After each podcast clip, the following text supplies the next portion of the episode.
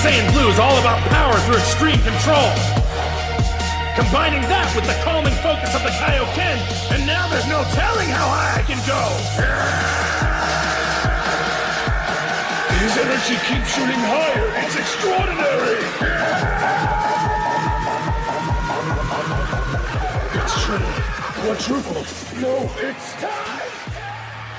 So, Guys, was geht ab, Mann? Willkommen bei On a Mission, deinem Podcast für persönliche Weiterentwicklung, mentale Stärke und einen knackigen Real Talk, den man, ja, ihr, ihr wisst es, ab und zu mal braucht, um einfach selber wieder in die richtige Spur zu kommen. Und ich freue mich auf jeden Fall, heute diese Episode zu recorden und das Ganze mit euch zu teilen, weil äh, das ein Thema ist, wo ich heute erst selber wirklich drauf gekommen bin, beziehungsweise heute selber so einen Impuls bekommen habe, auch mit euch das Ganze zu teilen, mit euch darüber zu sprechen.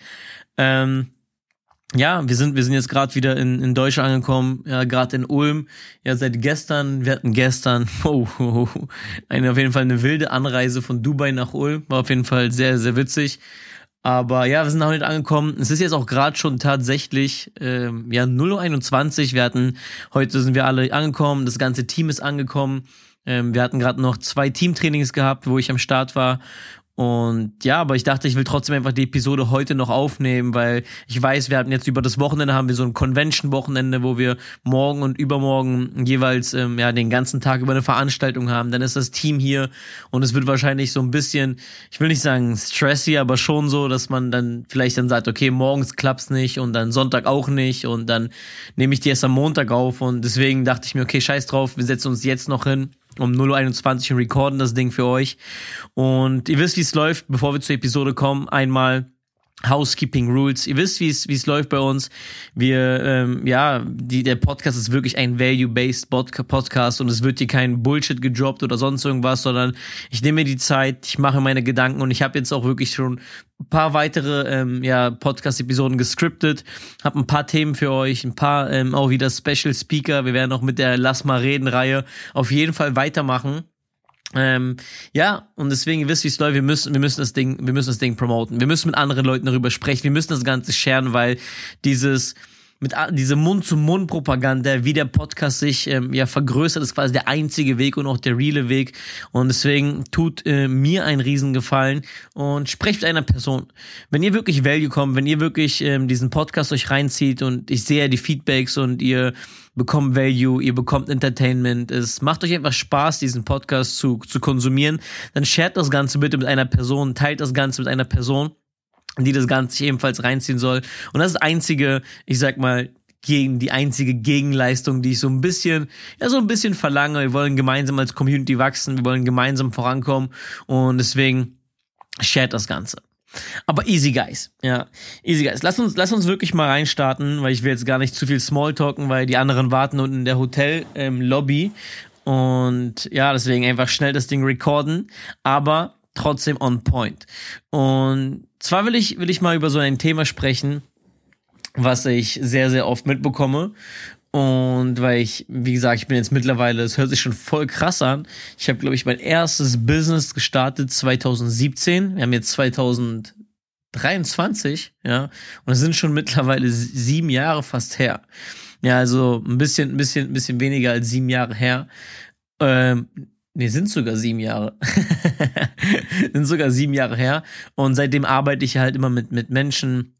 Und wir haben schon extrem viele Erfolgsstories, aber halt auch extrem oft, dass Leute irgendwie anfangen, sich was aufzubauen und dann irgendwie wieder aufhören. Und ich will mal heute über einen Grund sprechen, dass, weil ich meine halt so, dass im heutigen Zeitalter extrem viele einfach extrem verweichlich sind und ein schwaches Mindset haben und nie wirklich irgendwas durchziehen. Das ist der große Teil von den Leuten, auch mit denen ich gearbeitet habe, die mittlerweile, keine Ahnung, die meisten, was die machen. Ähm, aber ja, ähm, ist halt wirklich sehr, sehr großer Grund. Ja, viele sind verweichlich, haben ein schwaches Mindset, ziehen nie irgendwas durch. Und ich will darüber so ein bisschen sprechen, weil ich sehe immer oft, dass Menschen, die etwas haben wollen, die, man spricht immer viel so über, über Goals, was man besitzen möchte, ähm, keine Ahnung, an welche Orte man bereisen will, ähm, wie mein Leben aussehen soll und so weiter und so fort. Und das Ding ist halt, die meisten Menschen, die über ihre Ziele sprechen, werden das Ganze niemals erreichen. Ja. Und Warum ist das Ganze so? Ich glaube, der Grund ähm, liegt folgendermaßen, dass die meisten Menschen gar nicht so diese drei Ebenen, weil wenn du ein Ziel erreichen willst, wenn du ein Ziel ähm, vor Augen hast, versteh bitte, dass es nicht nur dieses Habensebene, es gibt quasi drei verschiedene Ebenen, auf die wir uns fokussieren müssen, ähm, um unser Ziel zu erreichen. Ja, und ihr werdet gleich verstehen, was ich meine. So, und die erste Ebene ist diese Habensebene. Ja, wir sprechen oft darüber, davon, beispielsweise, ich will das Auto haben oder ich will das Geld verdienen oder ich will das Haus haben oder ich will, keine Ahnung, die Uhr haben oder whatever. Ja, scheißegal, den Urlaub, den Partner, whatever. Ja, und wir sprechen immer über diese Haben-Ebene und das ist halt das, wo sich die meisten Menschen darauf fokussieren, aber vernachlässigen im Endeffekt, dass es diese anderen Ebenen gibt und diese anderen Ebenen sogar meiner Meinung nach viel, viel wichtiger sind, weil in diesen Ebenen baust du dir Systeme auf. Und zwar ist einmal die Tun-Ebene und einmal die Sein-Ebene.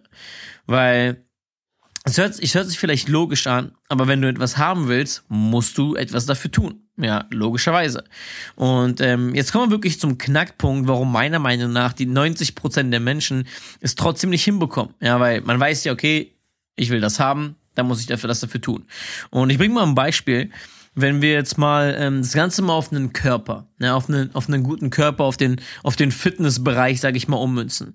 Meiner Meinung nach also keine Ahnung, jetzt nicht jeder muss irgendwie Bodybuilder sein oder jeder hat irgendwie den, den, den Ziel, das Ziel oder den Traum, mit ähm, 6% ähm, Körperfett eingehüllt auf einer Bühne zu stehen. Darum soll es ja auch gar nicht gehen. Ähm, aber ich sag mal, so einen guten und gesunden Body will eigentlich jeder haben. So, also ich sehe keinen Grund. Keiner kann mir sagen, ey, ich, ich will fett sein. Ich will Übergewicht haben. Ich will, also, ich küsse dein Herz, Bruder, wenn du sagst, aber ich glaube, du lügst und weil du sagst, du redest dir einfach das Ganze gut, weil du nicht bereit bist, den Preis zu. Aber eigentlich will ja das Ganze jeder haben. Jeder will einen guten, gesunden Body haben. Und ähm, warum kriegen wir das Ganze nicht hin? Weil eigentlich, woraus besteht oder wie kriegt man es hin, einen guten und gesunden Körper zu haben? Wie gesagt, ist nicht Pro-Bodybuilder, aber einen guten, gesunden Körper, ja, bisschen durchtrainiert, ja, bisschen Brust, bisschen Schultern, bisschen Arme als Mann, ja, als, als Girl, keine Ahnung, flachen Bauch, straffe Arme, knackigen Hintern, whatever. So, weil eigentlich theoretisch könnte es ja jeder machen. Ja, was brauchen wir? Wir brauchen eine gesunde Ernährung, drei bis fünf Mal ähm, die Woche ein Workout machen und ähm, das, wie gesagt, das könnte jeder hinbekommen. Ja, egal, ob zu Hause, egal, ob es im Gym, wirklich scheißegal, jeder könnte das Ganze tun. Ähm, und das Ding ist halt auch dann wieder diese Konstanz ganz am. Nicht nur einmal das Ganze zu tun, sondern wirklich konstant. Ja, und ähm, das scheitern die meisten, weil diese Konstanz, diese Disziplin, dieses Durchhaltevermögen etc., das sind ja wirklich diese Attribute, die es braucht, um die Dinge wirklich ja, durchzuziehen. Und da scheitern die meisten Leute. Warum? Weil die eben halt faul sind, die sind bequem und die sind halt, ja, keine Ahnung, verweichliche Pussys. Ja, ich habe, oh, heute geht nicht, weil ich bin ja so müde und ich kann ja heute gar nicht ins Gym gehen. Und so weißt du, was ich meine? So diese, diese ganzen Sachen, die man immer wieder hört. Und ähm, da kommen wir nämlich zu dieser Sein-Ebene. Weil das ist genau die Ebene, die alle erfolgreichen Menschen gemeinsam haben und was auch der Grund und das Main Thema, sage ich mal, auf diesem Kanal ist. Weil am Ende des Tages musst du ja eine Person sein, beispielsweise eine disziplinierte Person sein, eine Person, die Durchhaltevermögen hat, eine Person, die diese Attribute quasi hat, diese Konstanz hat, ja, diese Sein-Ebene. Und das ist halt das Cool daran. An diesen Sachen kannst du right now anfangen zu arbeiten. Verstehst du, was ich meine? Du kannst nicht anfangen, keine Ahnung, wenn du jetzt äh, dieses Habensziel, da kannst du jetzt nicht irgendwie krass was dafür machen. Du kannst es vielleicht visualisieren, darüber nachdenken. Aber an dieser Sein-Ebene, ja beispielsweise, du willst 10.000 Euro verdienen. Stell dir die Frage, okay, um 10.000 Euro zu verdienen, ähm, was muss ich dafür tun? Aber vor allem, was für eine Person muss ich sein, um 10.000 Euro zu verdienen?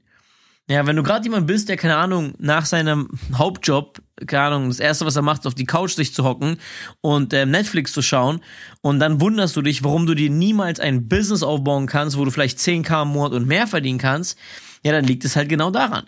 Ja, und die Frage ist ja im Endeffekt, am Ende des Tages, wie schaffe ich es, zu dieser Person zu werden, die in der Lage ist, die notwendigen Dinge langfristig, konstant und konsequent durchzuziehen, um das gewünschte Ergebnis zu erzielen. Das ist ja die Hauptfrage, die man im Endeffekt, im Endeffekt hat. Wie schaffe ich es, zu dieser Person zu werden? Und das Geile ist, du kannst das Ganze auf alles beziehen. Ja, und mach dir wirklich mal Gedanken, wenn du jetzt gerade da sitzt und du hast ein Ziel für dich im Auge, ein Habensziel, diese Habensebene, dann stell dir wirklich die Frage und schreib dir das Ganze wirklich mal auf. Ja, was muss ich dafür tun?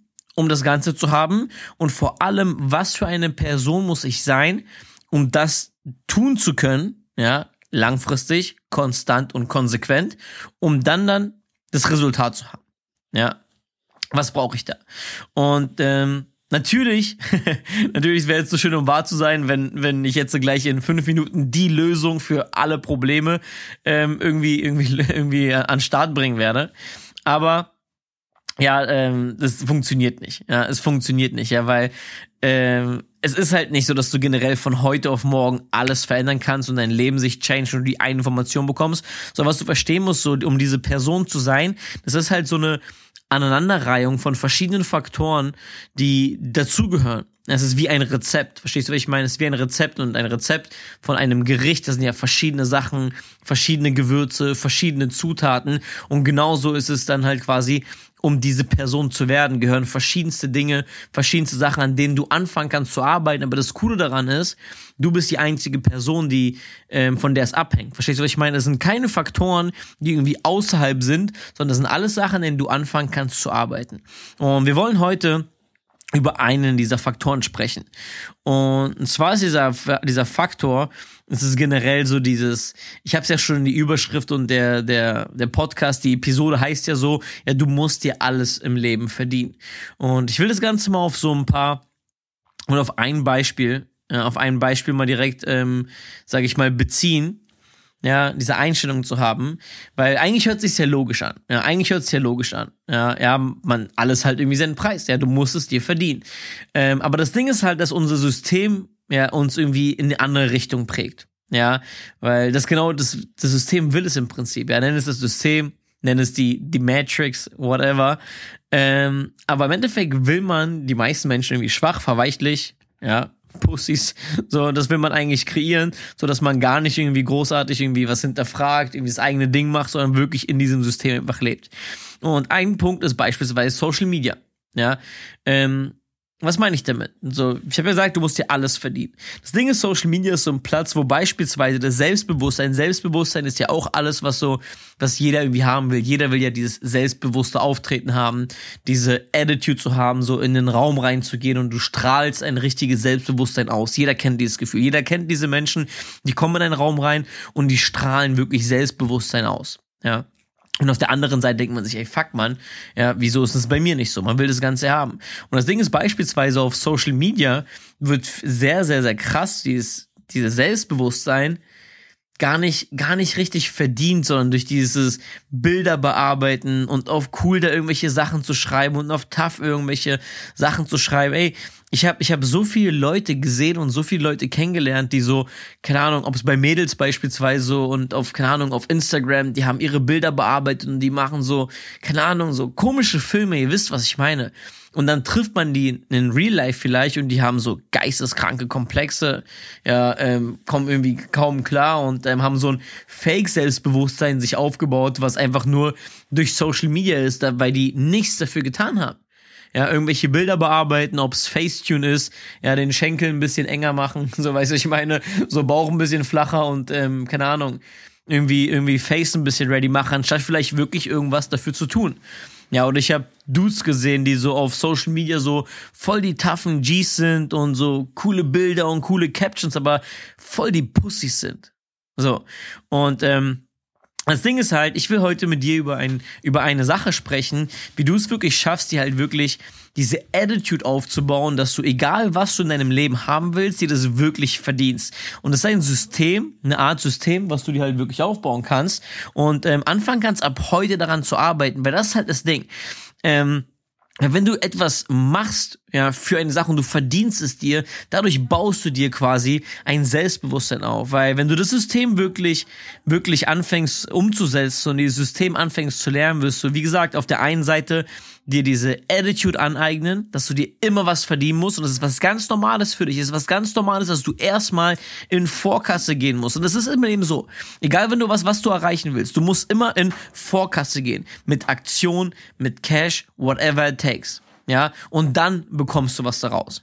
Das wird der erste Punkt sein. Du wirst diese Attitude gewinnen und diese Attitude sich von einem auf einen anderen Bereich übertragen. Das wird was ganz Normales. Und auf der anderen Seite wirst du auch hier dein Selbstbewusstsein extrem krass steigern können.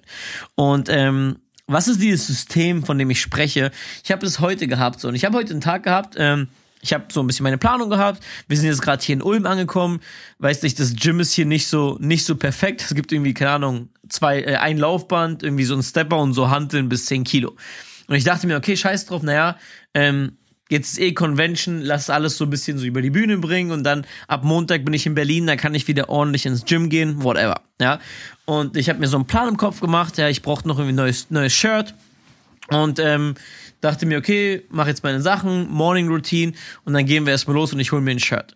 Und dann habe ich halt mir ein Video reingezogen von Andrew Tate und er hat genau über dieses Thema gesprochen und zwar, dass die meisten Menschen halt so, keine Ahnung, man, man will irgendwas haben, man will sich irgendwas kaufen, man will sich irgendwas gönnen oder sonst irgendwas. Und man geht in den Laden und holt es sich, anstatt wirklich irgendwie sich das als System einzubringen, dass man immer, wenn du irgendwas haben willst, dass du erstmal mit einer Aktion in Vorkasse gehst. Und ich dachte mir, okay, ich, ich überlege mir was, was kann ich jetzt machen, beispielsweise, wo ich gar keinen Bock darauf habe und wo ich wirklich mir selber beweise, dass ich das andere haben will. Ja? Und ich habe mir gesagt, okay, ähm, ich habe jetzt zwei Möglichkeiten. Entweder ich gehe ins Gym, ich gehe eine halbe Stunde auf ein Laufband, wo ich gar keinen Bock drauf hatte.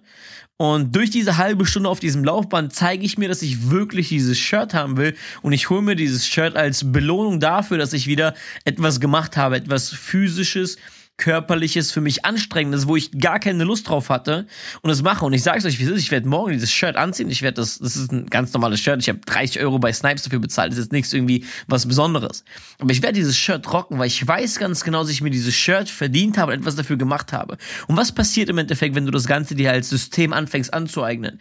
Wenn du egal was du haben willst, weil ich sag's dir, wie es ist. So, wenn du nicht bereit bist, beispielsweise, du willst dir ein paar neue Schuhe holen, du willst dir ein neues Shirt holen.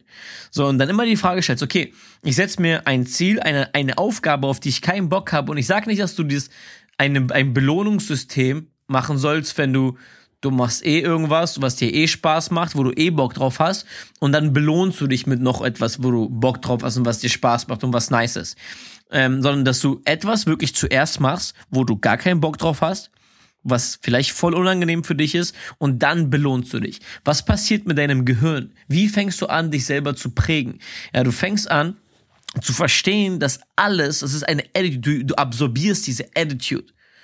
Ja, und deswegen denk mal wirklich drüber nach, wie oft so, keine Ahnung, so du bist abgefuckt, so wir kennen das ja. Ähm, schlechter Tag, schlechter Vibe, man macht gar nichts, man hängt auf der Couch und jetzt, keine Ahnung, hau ich mir Fastfood rein. Digga, sowas gibt's, sowas, sowas gibt's nicht. So, weil ich meine, weil, oder Ahnung, du hast einen abgefuckten Tag und dann gehst du los und du kaufst dir irgendwas. Bro, du hast nicht verdient. Und darum kommt doch, davon kommt doch diese verweichliche Pisse, Mann, dass man dann irgendwie probiert, sich irgendwo außerhalb irgendwelche anderen Glücksgefühle zu holen, wenn man eigentlich nur Bullshit macht. Und das ist halt das Ding, was ich für mich heute so einen Klickmoment hatte. Und es war wirklich so, krass, so ein richtig krasser Klickmoment. Und ich wusste, okay, fuck man, ich muss diese Episode heute noch aufnehmen, ich muss das Ganze machen, ich muss das Ganze mit euch teilen, ja, und als, als Belohnung dafür beispielsweise esse ich es was, ja. Ich habe auch überlegt, so esse ich heute noch was, esse ich nichts, ja, und ich dachte mir, okay, anstrengender Tag, fertig, wäre jetzt eigentlich chillig, noch was zu essen zu bestellen, pennen zu gehen, aber ich habe mir gedacht, okay, ich werde jetzt nichts essen, ich habe die Möglichkeit gehabt. Ich, ich habe in meinem Kopf die Möglichkeit gehabt, entweder esse ich nichts oder ich gehe hoch und nehme nehm die Episode auf, wo ich, wie gesagt, ich küsse eure Herzen, so, ich habe Bock drauf, aber nicht um die Uhrzeit, aber ich dachte, okay, ich muss es machen. Entweder oder. Es gibt nur eine Option. Und deswegen nimm das Ganze für dich bitte mit, dass du anfängst, dir so ein kleines System aufzubauen, dass du dir erst etwas Positives tust, nachdem du eine, eine, irgendwie eine Art Arbeit reingesteckt hast, nachdem du irgendwie eine Art Sacrifice, Verzicht, nachdem du erst irgendwas gemacht hast, du gehst in Vorkasse, weil dadurch wirst du merken, du, du verdienst es alles viel mehr. Weil beispielsweise, keine Ahnung, du kannst jetzt rausgehen und sagen, okay, ich gehe jetzt los ähm, morgen, ja, wenn die Episode hochkommt, heute ist dann quasi für dich Samstag, es ist Samstag, es ist Sonne draußen und ich gehe jetzt los und ich hole mir ein Eis. Oder du sagst, okay, Mann, kleiner Bastard, ich, du willst jetzt ein Eis holen? Also nicht, ich sag das zu dir, sondern du sagst es zu dir selber. So, dann gehst du zuerst ins Gym, du machst eine halbe Stunde, dreiviertel Stunde ein Workout, du verdienst dir das Ganze und gehst danach ein Eis holen. was passiert? Ich sag's dir, das Eis schmeckt tausendmal besser. Du hast nicht dieses schlechte Gewissen, du hast nicht diesen komischen Vibe oder sonst irgendwas, weil du es dir verdient hast. Und ich hoffe, du verstehst, was ich meine. Weil ich werde das Ganze für mich jetzt, dieses System anfangen anzuwenden. Und wer Bock darauf hat, checkt das Ganze für euch ab. Aber ich bin mir sicher, weil allein diese Kleinigkeit so hat für mich einfach ein ganz anderes, so dieses Shirt hat für mich einen ganz anderen Stellenwert. Ja, dieses Eis hast du dir ganz anders verdient. Ja, obwohl du es vielleicht auch so machen könntest. Ja, du weißt, ich meine, so ist ja nicht daran, dass irgendwie, dass jetzt die paar Kalorien oder sonst irgendwas irgendwie jetzt bei dir jetzt einen großen Unterschied machen wird, aber du hast es dir verdient. Ja, ist dann im Kopf ein ganz anderes Game.